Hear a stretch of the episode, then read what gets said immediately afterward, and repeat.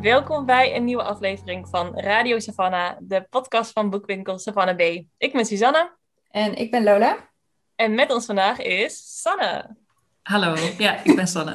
ik was even aan het wachten of ik uh, ook ik ben Sanne moest zeggen of dat ik uh, van jullie de beurt kreeg. helemaal zelf weten. Um, we zitten vanavond helaas niet in ons geliefde Savannah B, maar gewoon allemaal thuis achter ons Zoom-schermpje. Maar Boekwinkel Savannah B is daar voor jullie altijd in het centrum van Utrecht. We zijn een onafhankelijke boekwinkel gespecialiseerd in feministische literatuur. Voor ons betekent dat zoveel als literatuur op het snijvak van gender, queerness en postcolonial. Ja, en met deze podcast uh, zetten wij elke aflevering een boek in het zonnetje.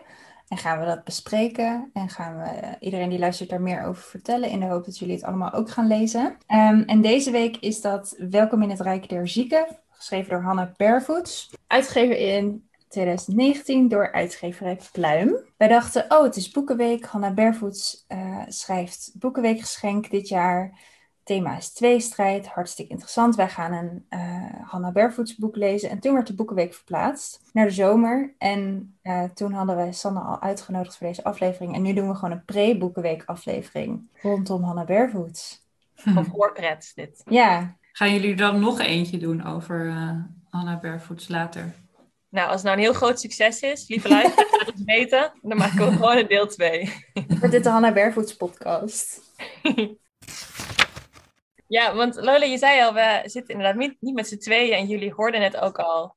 Uh, het stemgeluid van onze gast, uh, Sanne van Driel. Welkom. Ja, hallo. Dankjewel voor uh, de uitnodiging. Ik zit hier echt zo heel verwachtingsvol te wachten tot ik de beurt krijg hoor, van jullie. Het wordt zo misschien wel minder, maar... Wil jij misschien iets over jezelf vertellen, Sanne? Wie je bent of iets waarvan je het leuk vindt als de mensen het weten? Of Bijvoorbeeld ben je wel eens in Savannah B geweest? Ja, nou ja, ik heet dus Sanne van Driel. Ja, ik ben door jou uitgenodigd, uh, Suzanne, uh, omdat wij collega's zijn aan de Universiteit van Tilburg bij de afdeling Cultural Studies. Uh, en ik doe daar als PhD onderzoek naar lichamelijkheid vanuit kritisch fenomenologisch, zeg ik graag, en queer fenomenologisch oogpunt naar depressie in de praktijk, heel specifiek de praktijk van runningtherapie of rentherapie in Nederland. Ik neem zomaar aan dat jij mij hebt uitgenodigd uh, omdat ik onderzoek doe naar lichamelijkheid. Uh, en dus je verwacht dat ik wel iets te zeggen heb misschien over ervaringen van ziek zijn in relatie tot het boek dat we gaan lezen. Vol verwachting ben ik. Ja, ja, ja, ja. ik voel de spanning. En jullie, hebben een, jullie hebben een leesclip, toch? Oh ja, vanuit mijn onderzoeksgroep. Het is een onderzoeksproject dat heet Mind the Body. Rethinking Embodiment in Healthcare. En uh, met die groep hebben we een leesgroep uh, rond het thema body. En we lezen dus nou ja, van allerlei, uh, voornamelijk filosofisch, of teksten vanuit de humanities over lichamelijkheid en ook ervaringen van ziek zijn. En, voor die leesgroep, meestal in de zomer, lezen we een roman, of tenminste dat hebben we nu twee jaar op rij gedaan. Dit boek hebben we dus twee jaar geleden ook met die leesgroep gelezen. Of ja. nice. En uh, ik ben wel in Savannah B geweest. Uh, jawel, jazeker.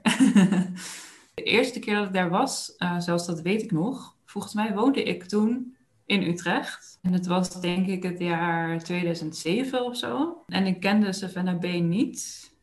niet bewust, maar ik liep daar gewoon door die straatjes, liep ik er langs. En ik was op zoek naar een cadeautje voor mijn uh, brus, mijn non-binaire uh, sibling. Die ging op reis en ik wilde een cadeau voor hun kopen.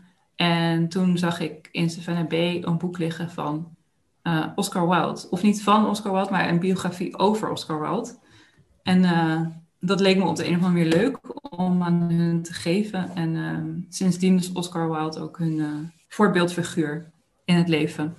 Dus mijn brus heeft heel vaak een Oscar Wilde quote uh, in hun mouw zitten. Om, uh... Ja, inderdaad. Ja, dus dat was mijn eerste keer in Savannah Bay. Mensen, een stukje over Hannah Barefoots. Wie is Hannah Barefoots eigenlijk? Hannah Barefoots uh, werd geboren in 1984 en haar eerste roman Of Hoe Waarom verscheen in 2009, toen ze net klaar was met haar studie aan de UvA. Uh, en ze heeft in de afgelopen tien jaar zeven boeken geschreven. Wat waanzinnig is. Ja. En ik weet niet hoe ze het doet. Uh, of hoe waarom was er eerste. Daarna dus nog zes. Lieve Celine in 2011. Waarvoor ze ook de Opzij Literatuurprijs uh, kreeg. En die ook verfilmd werd.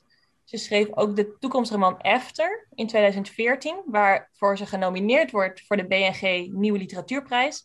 En twee jaar later won ze die ook met haar andere roman Ivanov.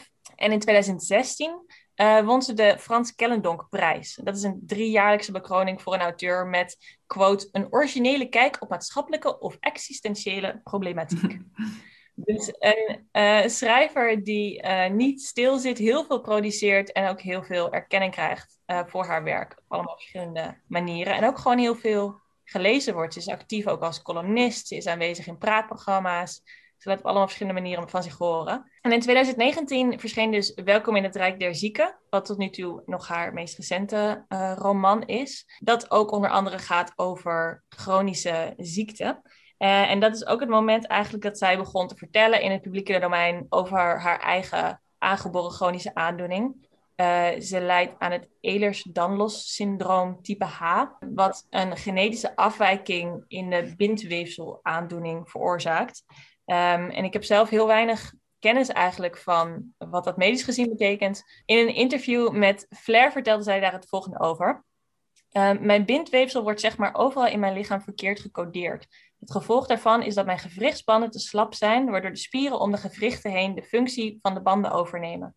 Mijn spieren doen dus het werk waarvoor ze niet zijn gemaakt. Ik raak heel snel geblaseerd en heb bijna altijd pijn. En ja, sinds de zomer van 2019 heeft ze onder andere in zomergasten daarover verteld en ook in allemaal kranten, interviews. En het is ook een belangrijk thema dus in de roman die we voor vandaag hebben gelezen. Ja, waar gaat dit boek over? We volgen hoofdpersonage Clay. En Clay die wordt ziek. Hij uh, wordt op een gegeven moment heel erg ziek. Hij noemt dat zelf de, de grote koorts. En dan blijkt nadat hij die grote koorts grotendeels te boven is gekomen, dat hij um, chronisch ziek is. Hij, hij, het wordt uiteindelijk gediagnosticeerd met Q-koortsvermoeidheidssyndroom. En er zijn twee parallele verhalen in dit boek, vertellijnen.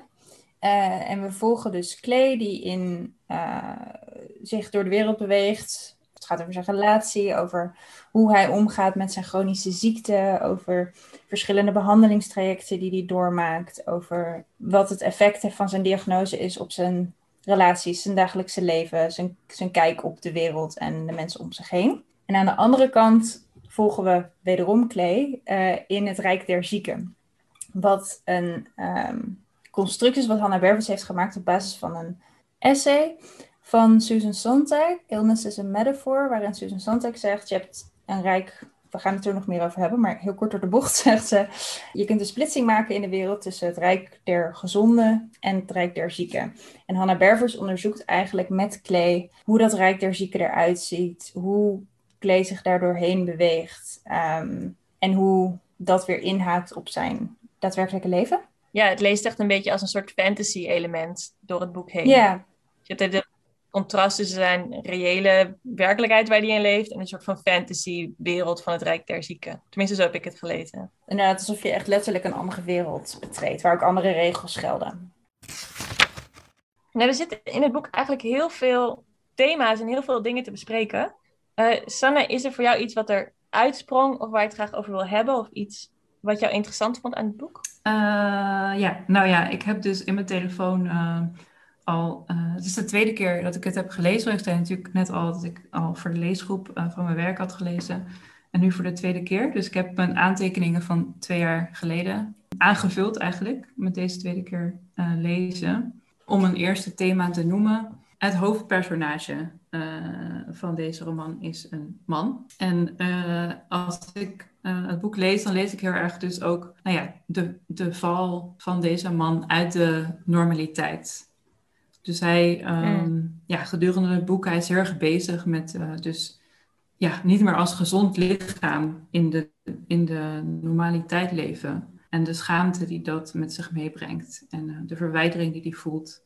En uh, hoe hij niet meer als man ook, zijn identiteit als man eigenlijk in relatie tot zijn vriendin, niet meer ja, kan vervullen, als het ware.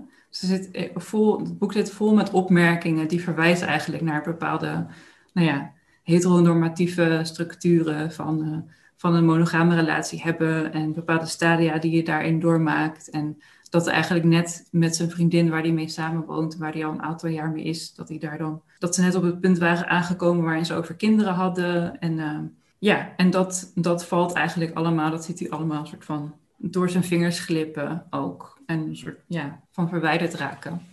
En ja, ik stelde dus net ook de vraag uh, aan jullie van, uh, ja, ik, heb me dus afgevraagd wat dat nou betekent en, en waarom Hannah Barefoot er ook voor zou hebben gekozen om voor dit hoofdpersonage te kiezen en bijvoorbeeld niet voor uh, het personage van Marla, die later in de roman binnenkomt als een vrouw met fibromyalgie. Ja, en, en waar die dan bevriend mee raakt, wat een een, een, een, lesbische vrouw is. Dus nou ja, wat betekent het eigenlijk dat, dat het die uh, eigenlijk hetero, heteronormativiteit zo centraal staat in het werk, uh, in plaats van bijvoorbeeld een lesbische relatie en het verhaal van Marla. Ja, Lola, jij had daar een uh, theorie over. Ja, ik had dus een, een, hypothese. Ik denk dat het belangrijk is om te zeggen dat geen van ons heeft geresearched of Hannah Barefoot hierover gesproken heeft, over deze specifieke keus. En dat er misschien wel een heel ander antwoord vanuit haar op deze vraag is. Ik heb wel geprobeerd iets te vinden trouwens, maar oh. het is me niet ja, het is me niet gelukt om uh, ook een queerlezing of iets uh, over dit werk te vinden.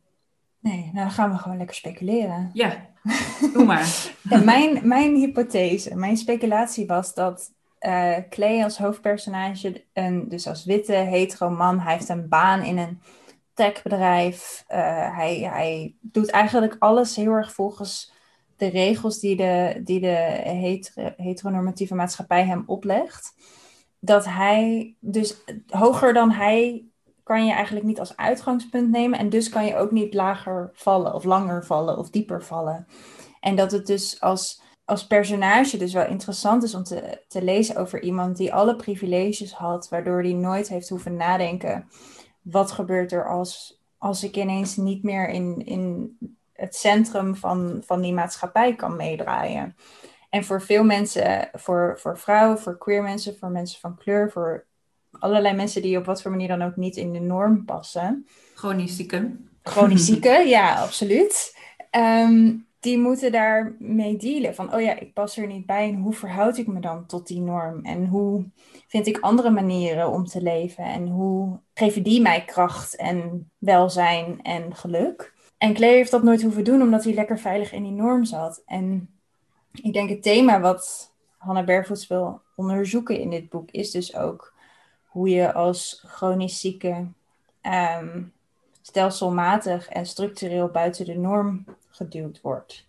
En om, dat, dat komt denk ik harder aan als je dat door de ogen van een personage leest, wat überhaupt nooit over die norm heeft hoeven nadenken. Ja, en je ziet ook wat de eerste reactie is eigenlijk van Clay wanneer dit voor hem begint te gebeuren, is dat hij het ontzettend zielig voor zichzelf vindt. En dat, dat klinkt nu misschien een beetje hard, maar ik hoop als je het boek leest dat je het herkent.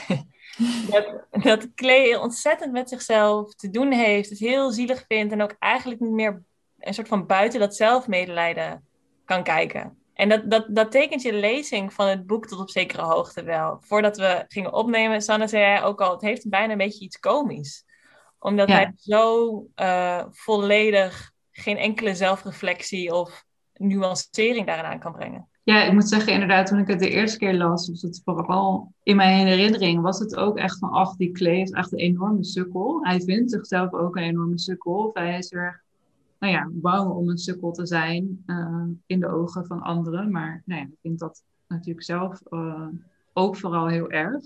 En hij maakt het ook heel erg iets van dat anderen hem niet meer moeten vanwege zijn lichaam, dat, dat nou ja, uh, vanwege de pijn en vanwege zijn ziek zijn en zijn lichaam dat al die dingen niet meer doet. Maar als lezer krijg je wel het gevoel van, nou, misschien heeft het er iets meer mee te maken. Dat je zo, ja, zo enorm in jezelf gekeerd bent en eigenlijk de mensen om je heen heel erg afwijst. En uh, helemaal niet um, in staat bent ook om daar iets over te zeggen, zeg maar, over hoe je je voelt. Of uh, ja, hij, hij kan dat eigenlijk helemaal niet uh, handelen of dragen. Dus in die zin, ik ben nu ook een boek aan het lezen dat heet Entitlement. van Kate Mann, een filosoof, ja, een filosoof. Maar dat is wel een beetje van, ja, die entitlement ook wel, die komt bij een verwachting van een bepaalde levensloop binnen de normaliteit. Van, dat je dus een relatie hebt en kinderen krijgt en bepaalde vrienden hebt en weer uit je werk een bepaalde zo waardering of status haalt. En... Wat je leest ook in het boek is eigenlijk de eerste, ik geloof twee jaar, als ik me niet vergis, nadat hij ziek is geworden. Dus je zit ook echt nog met Clay, die in een fase zit van totale verbazing. Van mijn hele leven is op zijn kop gegooid. En ik moet me nu anders verhouden tot mezelf. Hoe ik mijn dag indeel. Hoe ik... Hij is heel erg zoekende ook naar wat, hoe hij zijn leven vorm kan geven. En dat maakt het ook nog wel weer interessant. Dat dit niet iemand is die, weet ik veel, twintig jaar geleden uh, een diagnose heeft gekregen en inmiddels bepaalde routine met zichzelf heeft opgebouwd. En natuurlijk dezelfde gevoelens kan hebben als hij, maar nu komen zijn ze ook echt nog heel erg aan de oppervlakte en heel erg continu in hoge mate aanwezig. Ja, en ik denk dat dat verhoogd wordt omdat hij zelf eigenlijk nog niet wil accepteren dat dit nu zijn realiteit is. Dus als hij uh, door artsen telkens wordt doorverwezen of een bepaalde diagnose niet krijgt, dan gaat hij er eigenlijk vanuit dat hij die diagnose wel ergens anders wel kan vinden. En dat daar dan een behandeling bij hoort, waardoor hij weer beter wordt. En er zijn heel veel mensen om hem heen die hem proberen een beetje een soort van warm te maken of te baseren naar het idee van, goh, misschien blijft dit wel, op wat voor manier dan ook in je leven. Het iets waar hij helemaal niet aan wil. En je merkt het misschien nog het meeste als hij in contact is met andere mensen die in een vergelijkbare situatie zitten als hij dat hij zich daar ontzettend van distancieert. En naar andere mensen, bijvoorbeeld in praatgroepjes of in therapiegroepen, daar een soort van ja, neerkijkt is een groot woord. Maar zich in ieder geval ervan de hele tijd bewust maakt en uitspreekt: dat is niet wie ik ben. Jij hebt misschien problemen, jij stelt je misschien aan. Bij jou is het allemaal niet zo erg. Ik heb heel veel pijn en voor mij komt hier op een gegeven moment een eind aan. Hij kan daar niet zo goed nog overheen komen. Misschien ook omdat het zo recent inderdaad van is. Ja, maar het boek speelt denk ik dus wel heel erg met aan de ene kant, hij is een personage dat nu, Clay is een personage dat nu buiten de norm valt. En doordat de maatschappij is hoe die is, wordt hij ook buiten die norm geduwd. En tegelijkertijd roept het ook eens heel erg vragen op van in hoeverre heeft specifiek hij in dit boek daar ook een hand in. En dan met name naar zijn naaste omgeving, naar zijn vrienden, naar zijn, zijn partner, uh, naar de mensen van wie hij misschien tips of steun kan krijgen die ook chronisch ziek zijn. En daar balanceert het wel heel interessant tussen. En dan moet je als lezer ook een beetje in manoeuvreren soms. Er is op een gegeven moment een scène dat hij op een, verjaardagsfeestje of een kerstfeestje, ik weet niet meer precies, in ieder geval bij vrienden thuis is. Een kinderverjaardag. Ja. Oh ja, het is, het is nog erger. Het is een kinderverjaardag. Ja. Oké, dus stel je voor de horror. Het is zondagmiddag en je bent op een verjaardagsfeestje.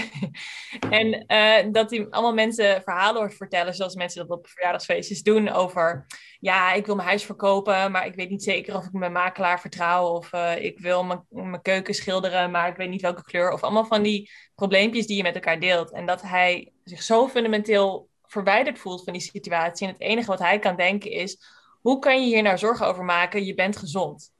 En um, dan op een gegeven moment zegt hij ook, um, beschrijft hij ook iets van, goh, misschien is het niet zozeer dat deze mensen mij niet willen begrijpen of mijn verhaal niet willen horen, maar is het ook dat ik fundamenteel dit, dat andere leven niet meer begrijp. Het leven, hoe het leven eruit ziet als je gezond bent en welke zorg je dan hebt.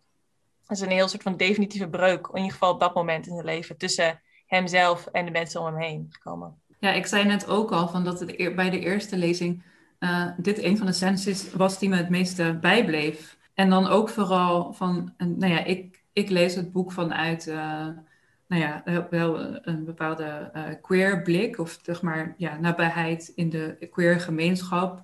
Uh, met nadrukkelijk eigenlijk ook niet zo heel erg in de normaliteit willen leven of maar daar niet zo in thuis voelen of tegenaf willen zetten. En um, ook vanuit wel ervaring met mijn eigen depressiviteit en angsten. Dus voor mij is zo'n situatie op zo'n verjaardag, ik zeg al kinderverjaardag, dat vind ik nog steeds echt als je dat zegt, nou, daar wil ik niet heen.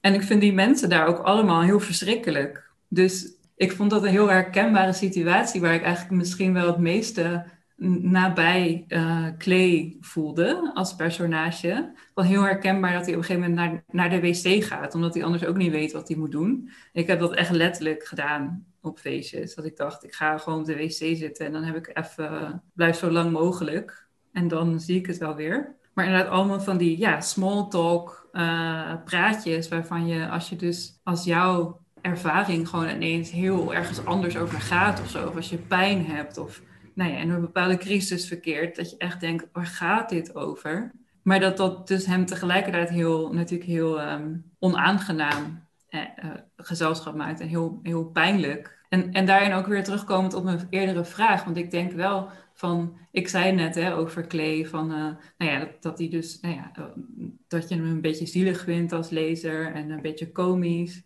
Maar ik wil eigenlijk nog wel graag dan zeggen dat, dat ik niet Kijk, ik vind dat misschien makkelijker ook te zeggen over zo'n uh, zo'n figuur dat staat voor de normaliteit eigenlijk, voor zo'n he hetero man. Terwijl ja, ik eigenlijk wel ook vanuit eigen ervaringen en, en verhalen van anderen over hoe het is om, om ziek te zijn en, en met pijn te leven. Bijvoorbeeld ook, nou ja, van allerlei inderdaad gemarginaliseerde mensen of groepen, dat die pijn die zo isolerend werkt, dat het ook wel echt compassie verdient of zo. Uh, dat je daar misschien heel onaangenaam van kan worden, maar dat het ook niet oké is of zo, om dat zo, uh, ja, om dat weg te zeggen als, als weg te zetten als zelfmedelijden alleen maar of zo. Want het is ook heel, heel begrijpelijk en ik denk voor iedereen die misschien mensen kent of, of daar zelf ervaring mee heeft, kan dat denk ik ook wel herkennen. Dat dat wel de pijnlijke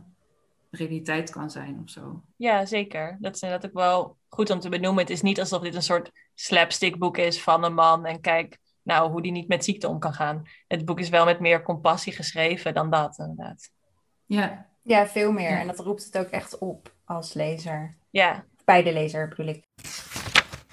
Ik vond het wel opvallend. Ik zat een beetje, ik weet niet, Suzanne, jij zei ook dat je nou, je interviews hebt gelezen vandaag een beetje, hè? maar ik zat ook een beetje te scrollen door uh, recensies over het boek. En uh, een beetje op zoek naar, dus nou ja, wat ik vooral erin zag, van die val uit de normaliteit en zo. Maar dat het in recensies die ik heb gezien, althans, volgens mij eentje in de Groene Amsterdammer, dat het juist heel erg werd geprezen omdat je zo meevoelt en meeleeft met het hoofdpersonage.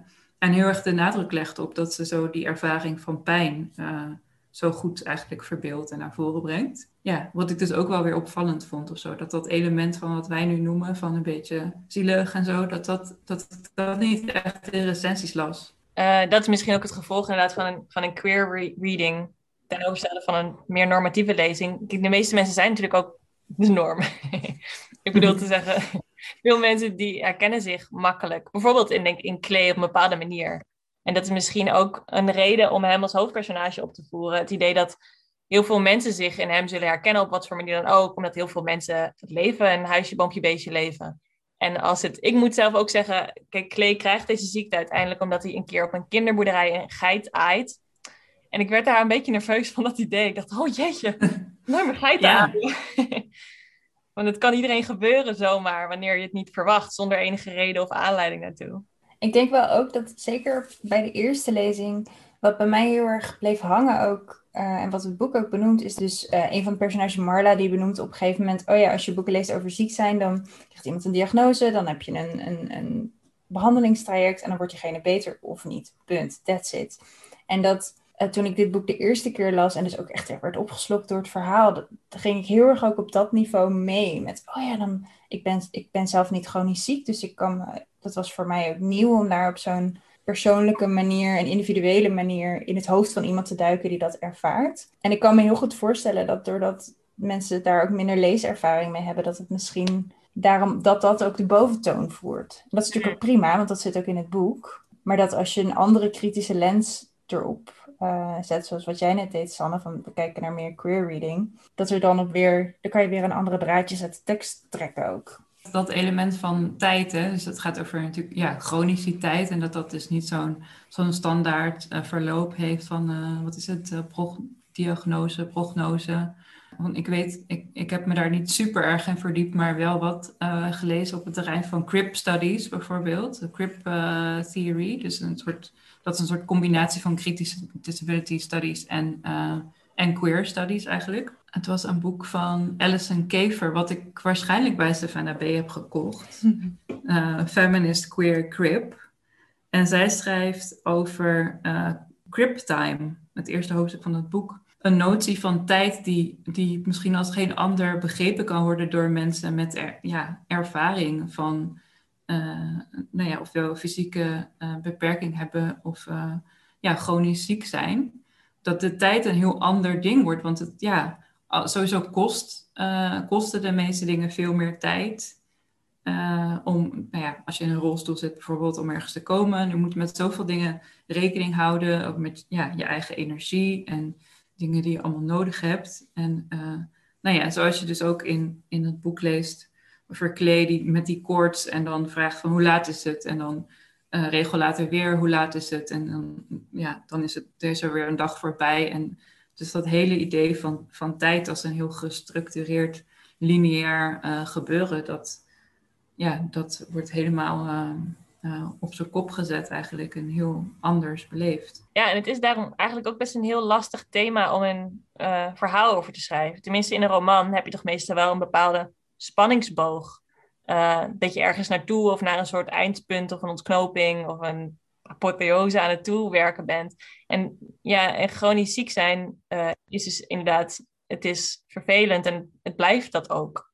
En er zit niet per se een, een eindpunt aan. Dus als, als plot van een verhaal is het ook een lastig thema om uh, in de romanvorm te, te gieten. En, en hoe vinden jullie dan dat dat uh, ja, gelukt is eigenlijk in deze roman? Ook door dat, dus dat rijk der zieken, dat als uh, element toe te voegen? Ja, dat is wel een slimme, een slimme manier geweest om de vorm zo te gebruiken.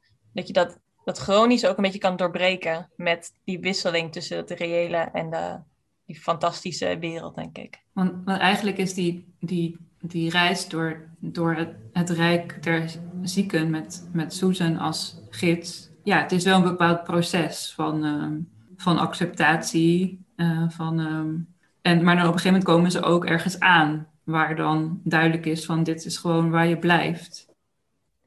Ja, want misschien voordat we er verder induiken, heel even kort uitleggen wat er gebeurt in het Rijk der Zieken in het boek. Dus Clay, die, die op ineens is hij in het Rijk der Zieken en daar heeft hij een gids, Susan. En dat is Susan Sontag, dus de schrijver van uh, Illness as a Metaphor, waar de term Rijk Zieken weer uitkomt. En uh, zij neemt hem eigenlijk mee door dat Rijk, waar het begint met dat ze een uh, lichaam moeten ophalen.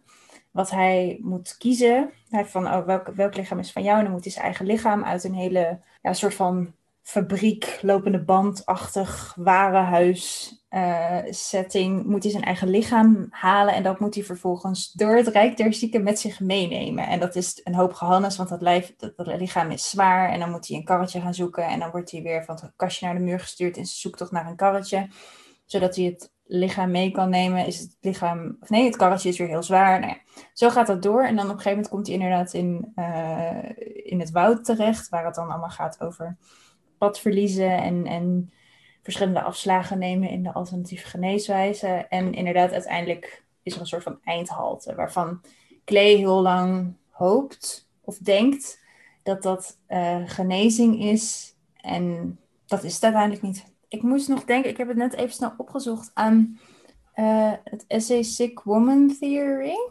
Van, oh ja. Uh, hoe heet ze nou ook alweer? Joanna Hetva. Hetva, ja. En zij schrijft ook over um, chronisch ziek zijn. We zullen het linken, dan kun je het lezen. En zij zegt daar ook over dat. Uh, ik moest eraan denken toen we het over tijd hadden. En zij zegt dan ook van som, het gebeurt heel af en toe dat ik vergeet dat ik ziek ben. Of dat ik vergeet dat ik pijn heb.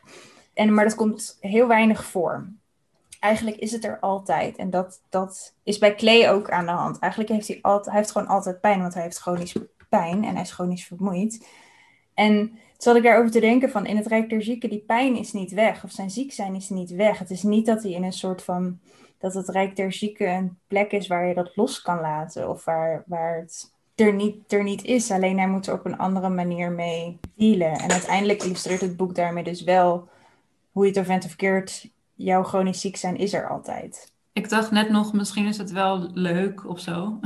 Weet niet. Maar met dat, uh, dat verhaal over dat karretje. Of in ieder geval over dat, dat in het Rijk der Zieken... dat hij dat hij dus zijn eigen lijf uh, meekrijgt. Of moet ja, uitzoeken en meedragen. En dat iedereen die daar dus is, die daar woont... of op doorreis is, zijn eigen lijf meedraagt. En uh, het is wel... Er zitten wel ja, verschillende opmerkingen ook in het boek over. Dus nou ja, dat, dat een gezond lichaam eigenlijk dus een lichaam is dat je niet ja, opmerkt eigenlijk. Hè? Dat is een soort van, nou ja, daar denk je niet over na. Dus daar, daar val je eigenlijk gewoon mee samen. En het is best een hele soort van basisgedachte binnen de ja, filosofie van het ziek zijn misschien, fenomenologie van het lichaam ook. Uh, waar heel vaak naar verwezen wordt, is zo'n um, theorie van Drew Leader, uh, die een boek heeft geschreven dat heet The Absent Body.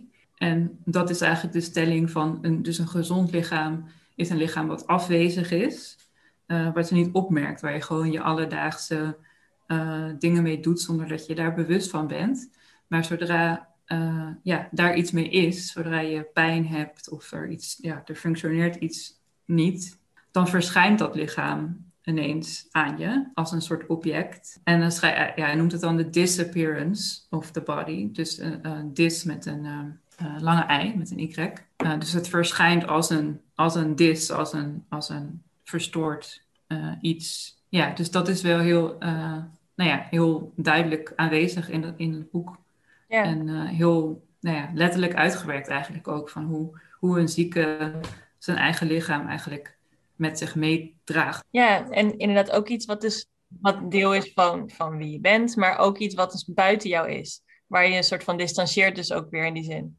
Ik relateerde dat zelf ook aan het um, idee dat het een groot deel van het boek in de, in de jij-vorm geschreven is, in de tweede persoonsvorm. Wat ook weer um, suggereert dat er inderdaad een soort distantie is.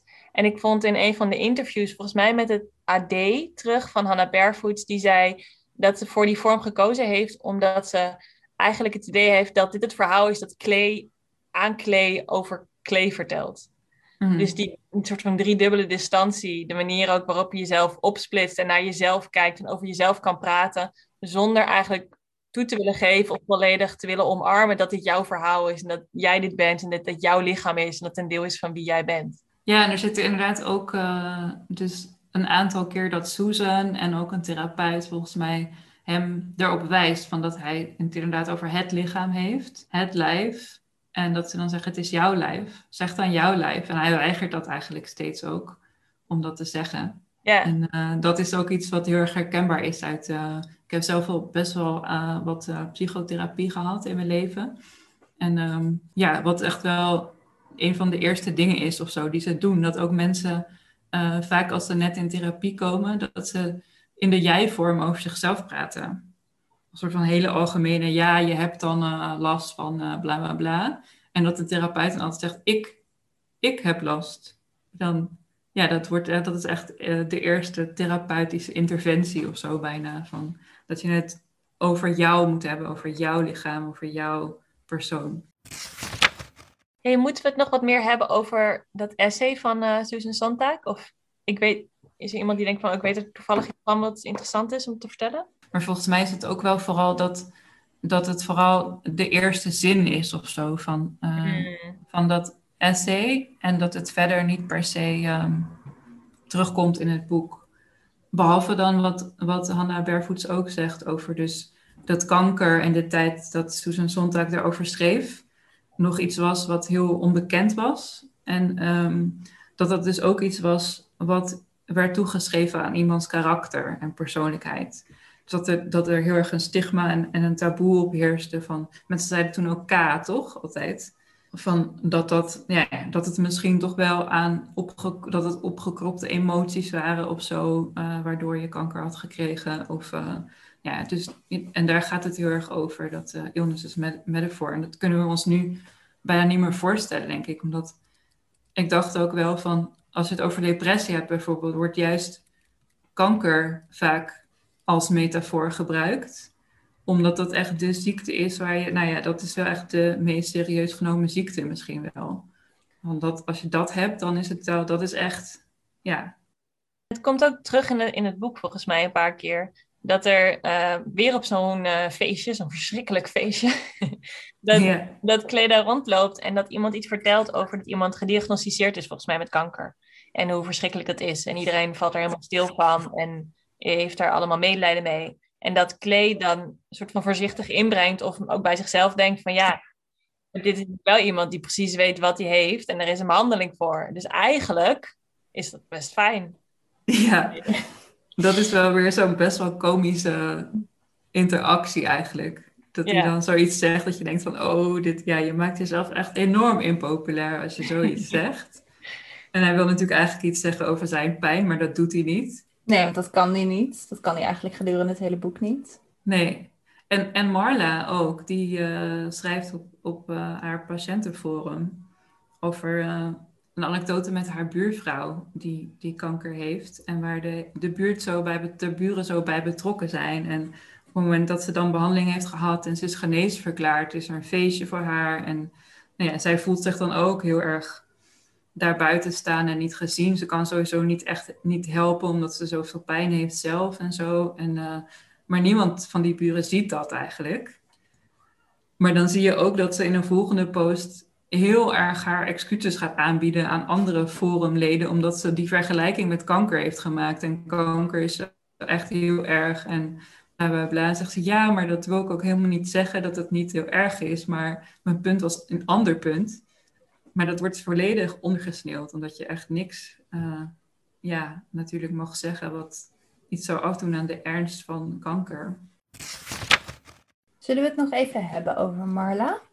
En over dat een van de dingen die zij inbrengt, um, sowieso dat ze dus de eerste persoon is met wie Clay een connectie heeft die ook chronisch ziek is. Um, en dat zij er op een hele andere manier mee omgaat dan, dan hij. Zij is veel analytischer, denk ik, of in staat om veel, veel wat meer uit te zoomen uit haar eigen ervaring. En, uh, en een van de belangrijke dingen die zij ook noemt, is dat de pijn van, van vrouwen, en dat noemt ze geloof ik niet, maar nog specifieker ook vrouwen van kleur, dat die historisch gezien en nog steeds niet, niet serieus wordt genomen in de medische wereld. En uh, welke real-life gevolgen dat heeft. En dat, ik vond dat wel ook een belangrijk, boek, uh, een belangrijk punt om te maken in een boek over ziek zijn. Ja. Dat dat ook wie, wie een soort van ziek mag zijn, bijna, uh, dat dat ook heel erg gendered is. En dat Marla zegt, ja, voor, bij vrouwen wordt het eigenlijk vaak en sowieso tien keer zo snel dan bij mannen uh, toegeschreven aan, ja, maar je bent emotioneel of je, het zit tussen je oren, um, ben je niet gewoon chagrijnig of stel je je niet aan. Ja. Ik las vandaag dus ook nog in dat boek wat ik net ook noemde, Entitlement van Kate Mann. Over, um, dus één hoofdstuk daarvan is, uh, nou ja, de, de, the entitlement to um, uh, healthcare eigenlijk, medical care. En daar wordt ook genoemd over hoe dus de pijn van vrouwen. Er zijn ook allemaal onderzoeken naar gedaan naar hoeveel pijnstilling aan vrouwen wordt gegeven en hoeveel aan mannen. En dat, dat vrouwen dus structureel minder pijnstilling krijgen als ze aangeven dat ze pijn hebben in het ziekenhuis. En als ze iets krijgen, dan zijn het vaak, uh, hoe noem je dat, sedatives. Dus kalmeringsmiddelen, meer dan, uh, dan pijnbestrijdingsmiddelen. Dus dat is eigenlijk heel, uh, heel sterk gegenderd. Hmm. En dan inderdaad nog meer bij, bij zwarte vrouwen. Ja, en um, inderdaad, het, het is een lang gedocumenteerde geschiedenis van het idee dat uh, mensen van kleur, met name zwarte mensen, een soort hogere pijngrens zouden hebben. Dat pijn minder hard aankomt of makkelijker te verdragen is, inderdaad, uh, voor mensen van kleur. Dus er zitten heel veel dimensies aan, inderdaad, aan wie er wel of niet, wiens pijn wel en niet serieus wordt genomen. En behandeling verdient of überhaupt al erkenning uh, verdient ja. diagnose verdient. Van, hmm. van wat dan ook. Want dat is nog wel een, een thema ook, een belangrijk thema in het boek inderdaad. Hoe de gezondheidszorg, de geïnstitutionaliseerde gezondheidszorg, uh, omgaat met mensen met uh, chronische aandoeningen. Of überhaupt met aandoeningen waarvan de gezondheidszorg niet per se een heel duidelijk vast hokje of labeltje heeft, of een behandeltraject um, waar je in past. En dat is ook een grote bron van frustratie en ergernis en onzekerheid uh, van, van Clay in deze roman. Nou ja, ik wilde nog wel iets zeggen over de, de cognitieve gedragstherapie die, um, die hmm. Clay wordt aangeboden in het boek. En wat een soort. Nou, het wordt dan aan hem verteld dat het een coach is, maar hij ziet dan op de website van het ziekenhuis van, uh, dat het cognitieve gedragstherapie is. En hij voelt zich dan een beetje belazerd. Zo van, ja, misschien dat er bepaalde mensen zijn tegen wie je niet moet zeggen dat je therapie krijgt. En dat die dan reageren van, ik ben toch niet gek.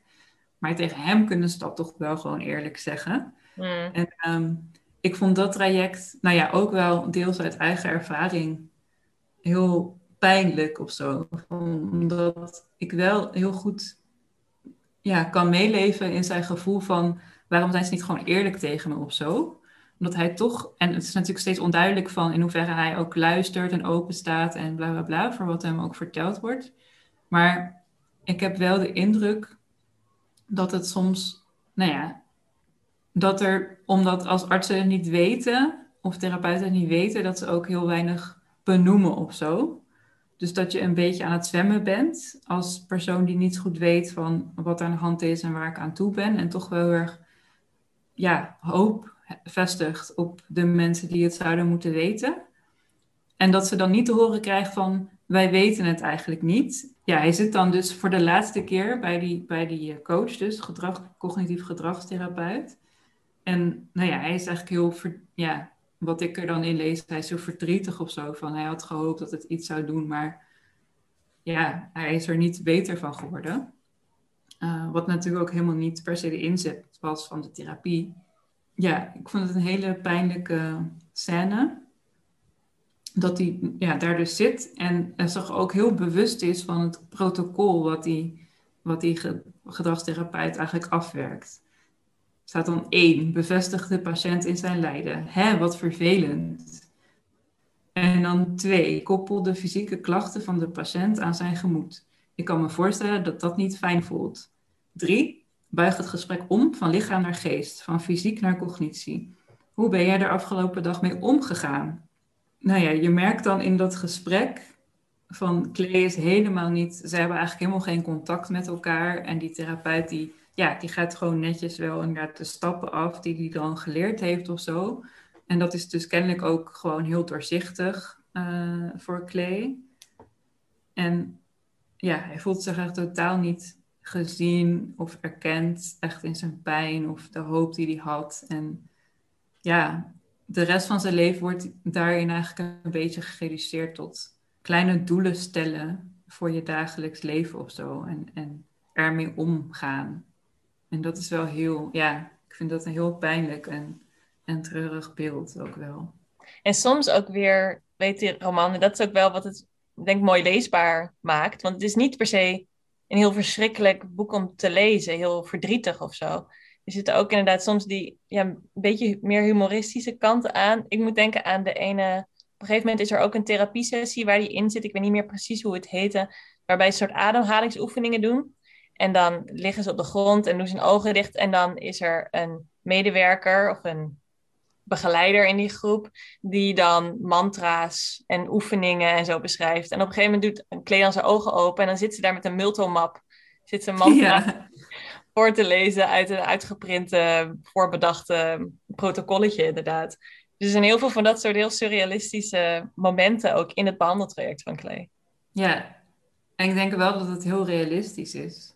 Ja, ik vond het ook wel uh, herkenbaar van wat ik van verhalen van, van mensen in mijn omgeving heb gehoord. Van dat gevoel ook.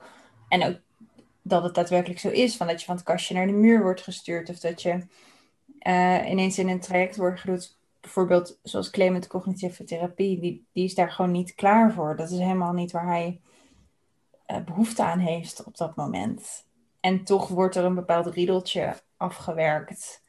Uh, en er wordt ook op een gegeven moment een opmerking gemaakt van, oh ja, voor de verzekering moet je een bepaalde stempel of een bepaalde diagnose hebben, want anders lukt dat niet of zo. Dus ook de, bureaucratie daarvan en de, ja, het instituut, zeg maar.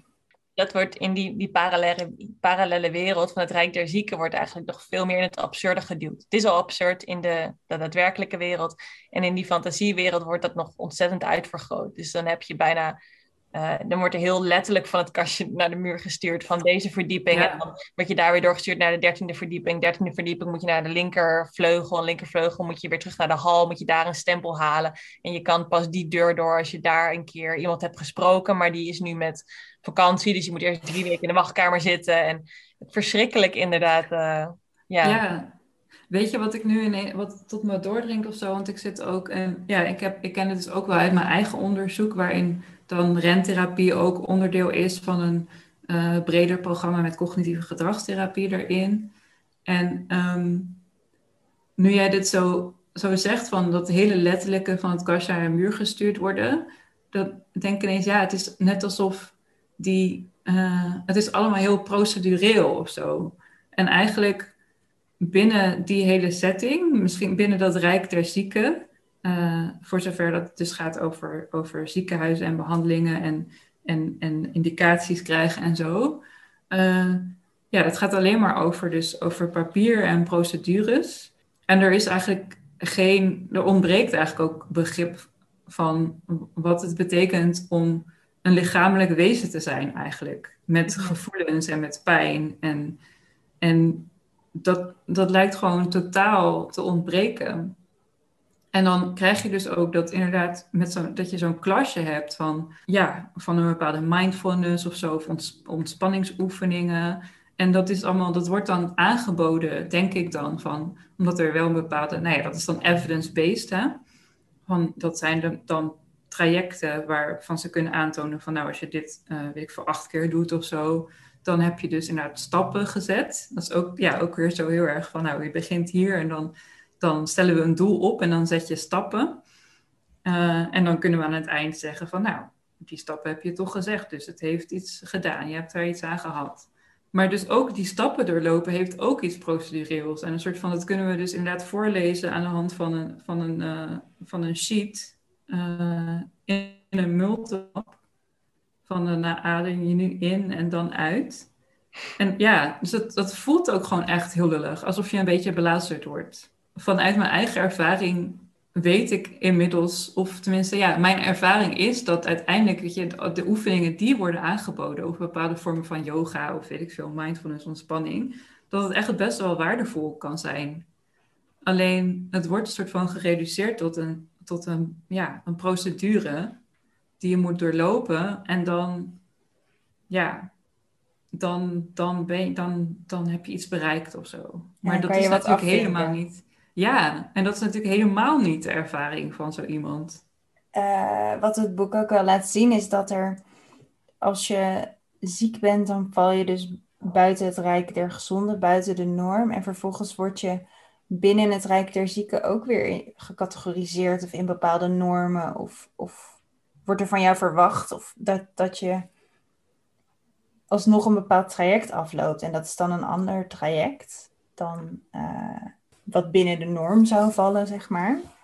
Maar er wordt alsnog ja. toegewerkt naar een soort van mal waar iedereen in moet passen. Hmm.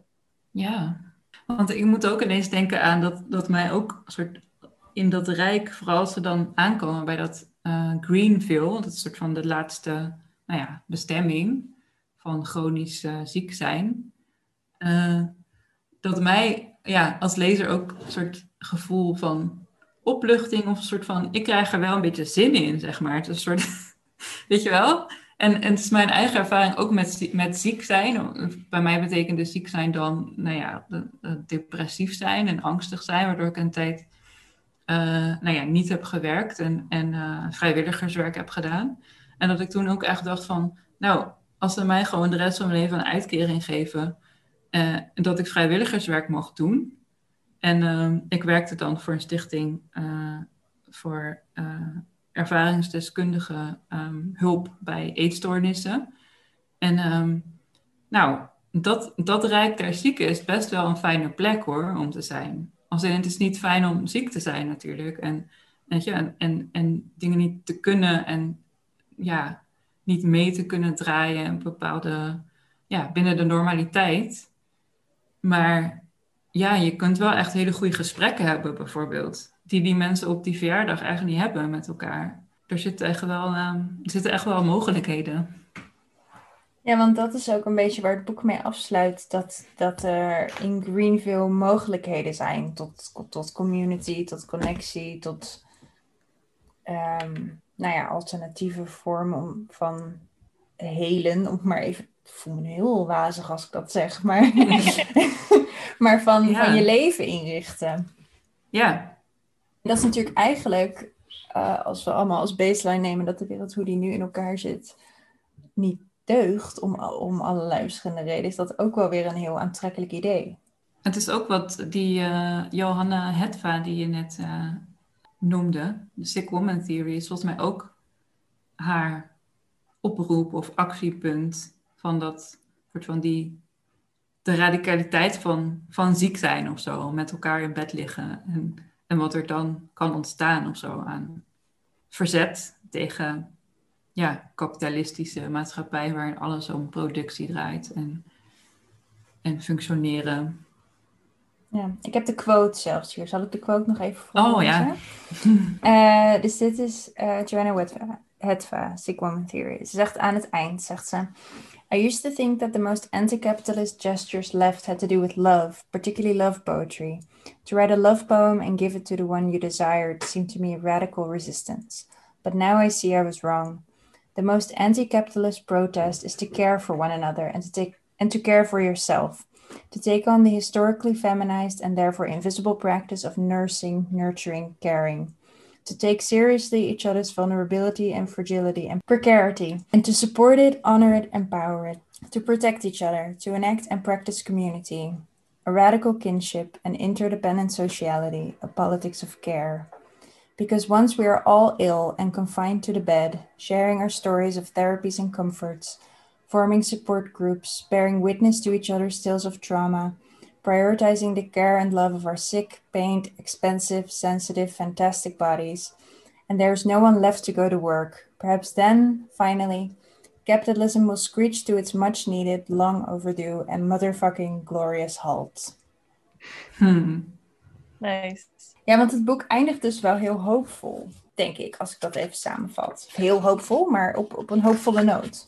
Ja, ik, ja, ik heb dat er ook in gelezen. Maar ik vroeg me bij de tweede lezing wel af of dat. eh, ik werd er toen in mijn leesgroep op gewezen van. Want ik had zo'n mooie theorie, vond ik zelf. Over dat in het begin van de roman het beeld van Sisyphus wordt opgeroepen. Die de steen de berg oprolt. En die is natuurlijk. Ja, die is heel erg alleen. En dat het boek eindigt met een beeld van schelpenrapen langs de zee. En wie weet kom je iemand tegen. En ik had daar dus in mijn hoofd een heel beeld van gemaakt. Van inderdaad community en inderdaad de mensen tegenkomen. En dan, die blijven dan bij elkaar, weet je wel. En die vormen, vormen communities. En mensen in mijn leesgroep die, die zeiden nee, hij blijft wel alleen. Hij komt alleen af en toe iemand tegen. En dat is ja, wel weer een veel deprimerender beeld. Ja. Oh, ik had het ook. Ik had het op jouw manier gelezen. Zo van, Ja. oh ja, dan, dan hij heeft een bestemming bereikt. Eh, en dat is een andere bestemming dan hij had gehoopt te bereiken in eerste instantie. En dan vanuit daar kan hij bouwen aan iets nieuws. Ja, ik ben ook voor om het zo te lezen hoor. Nou, doen we dat gewoon, toch? Ja, Zo werkt dat. ja vind ik wel. Ja, ik, ik, ik las het dus wat minder optimistisch. En ik, ja, toen net ook in het voorgesprek even, toen dacht ik van, oh, ik heb, ik heb het hoofdstuk verkeerd gelezen. Maar ik heb het er nog even bijgepakt. En de laatste zin is, wie weet kom je bij het schelpen rapen iemand tegen. Dus Ja, maar wij zijn daarvan overtuigd Ja. dat het gebeurt en dat het zich uitbreidt Wij geloven in de mogelijkheid. en dat het een hele queer community daar ontstaat. We samen in bed liggen en niet werken en voor elkaar zorgen. Ja, met een politics of care. Ja, Prima, laten we die, laten we die lezing vasthouden. Ja. dankjewel. Om de aflevering af te ronden willen we graag nog een stukje voorlezen. Ehm, en dit is een fragment uit de scène die we al een paar keer aangehaald hebben, namelijk het beruchte verjaardagsfeestje waar Klee zich bevindt tussen alle gezonde lichamen. Oh, wat zou je op dit moment graag bij zo'n groepje gezonde lichamen staan? Tja, zou je hun zeggen, Nora zit op het stormproject hè? Dat levert ons allebei veel stress op. Ook omdat we zelf volgende week een paar dagen naar Venetië gaan. Dus de badkamerverbouwing stellen we maar even uit. Nee, natuurlijk. Het is precies wat jullie zeggen. Je kunt niet alles hebben. Hé, hey, waar is Nora eigenlijk? Je ziet haar niet. Misschien is ze met Taylor's zus in de keuken gaan staan. Waarom lukt het jou niet meer naar de kamer binnen te gaan? Je kijkt in je lege wijnglas en je denkt aan Katja F.L. Aan iets wat ze vorige week op het forum schreef. Ze snappen je gewoon niet, hè? Andere mensen zien niet dat je ziek bent. Ze luisteren niet echt en daarom begrijpen ze je niet. Hoewel je toen nog met instemming las, denk je nu: nee, nee, Katja VL, het zit anders. De mensen zien inderdaad niet dat je ziek bent, maar de mensen luisteren best. Als je ze iets meer zou vertellen, iets meer over jezelf zou uitleggen, dan zouden ze zich misschien zelfs een voorstelling kunnen maken van jouw situatie, jou begrijpen. Het probleem is, jij begrijpt hen niet. Je hoort wel wat ze zeggen, de andere mensen. Je hoort ze vertellen dat ze stress hebben, maar je verlangt naar zoiets simpels als stress. Misschien naar zoiets simpels als een prostaattumor zelfs. Je weet dat een prostaattumor ernstig is, maar je vindt het niet ernstiger dan QVS. Eh, je vindt helemaal niets ernstiger dan QVS. En dat, die opvatting, maakt dat je je omgeving, de mensen op feestjes, de mensen op dit feestje, niet meer verstaat. Dan spreken ze dezelfde taal. Hun woorden hebben een ander gewicht. Je weet wat ze zeggen en bevindt het te licht om het, omdat het uit gezonde lichamen komt. Lichamen die hier misschien nog uren zullen staan en wijn drinken om te praten over de ongemakken die hun alledaagse problemen met zich meebrengen. Alleen jij weet dat ze in een baanwereld leven. Alleen jij ziet dat hun problemen geen echte problemen zijn. Alleen jij weet dat er maar één ding echt belangrijk is in het leven: het vermogen je lichaam te vergeten. En daarom, Clay, daarom kun je nu niet meer naar binnen, de huiskamer in. Want bij wie zou je moeten gaan staan? Hiermee zijn we aan het einde gekomen van deze aflevering van Radio Savannah. Allereerst, Sanne, dank, dank, dank, dank, dank dat je er was. Yay! Dat je praten, dat je mee hebt gelezen. Echt super, super, dankjewel. Ja, jullie ook bedankt. Vond het heel leuk. Als je uh, met ons mee wil kletsen over deze aflevering of over andere afleveringen van de podcast, dan kan dat. Wij zijn op alle socials te vinden. Uh, boekwinkel Savannah B gebruik de hashtag Radio Savannah, dan uh, lezen we het sowieso en dan kunnen we lekker kletsen. En als je deze aflevering tof vond, deel hem dan met iedereen voor wie die interessant is. Laat een recensie achter. Geef sterren aan ons in de podcast en dan uh, in je podcast app. En dan uh, zijn we heel blij. Hoera! Volgende week zijn we weer bij jullie terug met onze boeken van de maand. Um, en voor nu nemen wij afscheid en zeggen wij natuurlijk eerst nog dankjewel ook aan Rieke Blom voor het maken van ons logo en Gooflooks dat wij een gedeelte uit zijn nummer Joan mogen gebruiken als een theme song. En dan zien we jullie weer volgende week. Dag!